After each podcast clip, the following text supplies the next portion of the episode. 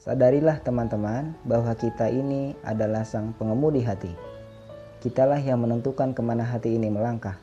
Melangkah ke kiri atau ke kanan, ke depan atau ke belakang.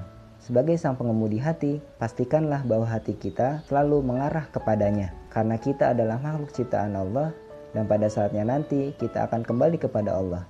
Maka tugas kehambaan kita adalah mengemudikan hati ini agar selalu mengarah padanya mengikuti seluruh aturannya dan menuju padanya. Suatu ketika Imam Syafi'i pernah ditanya, "Wahai Imam, amalan apakah yang teragung yang akan mendekatkan seorang hamba kepada Allah?"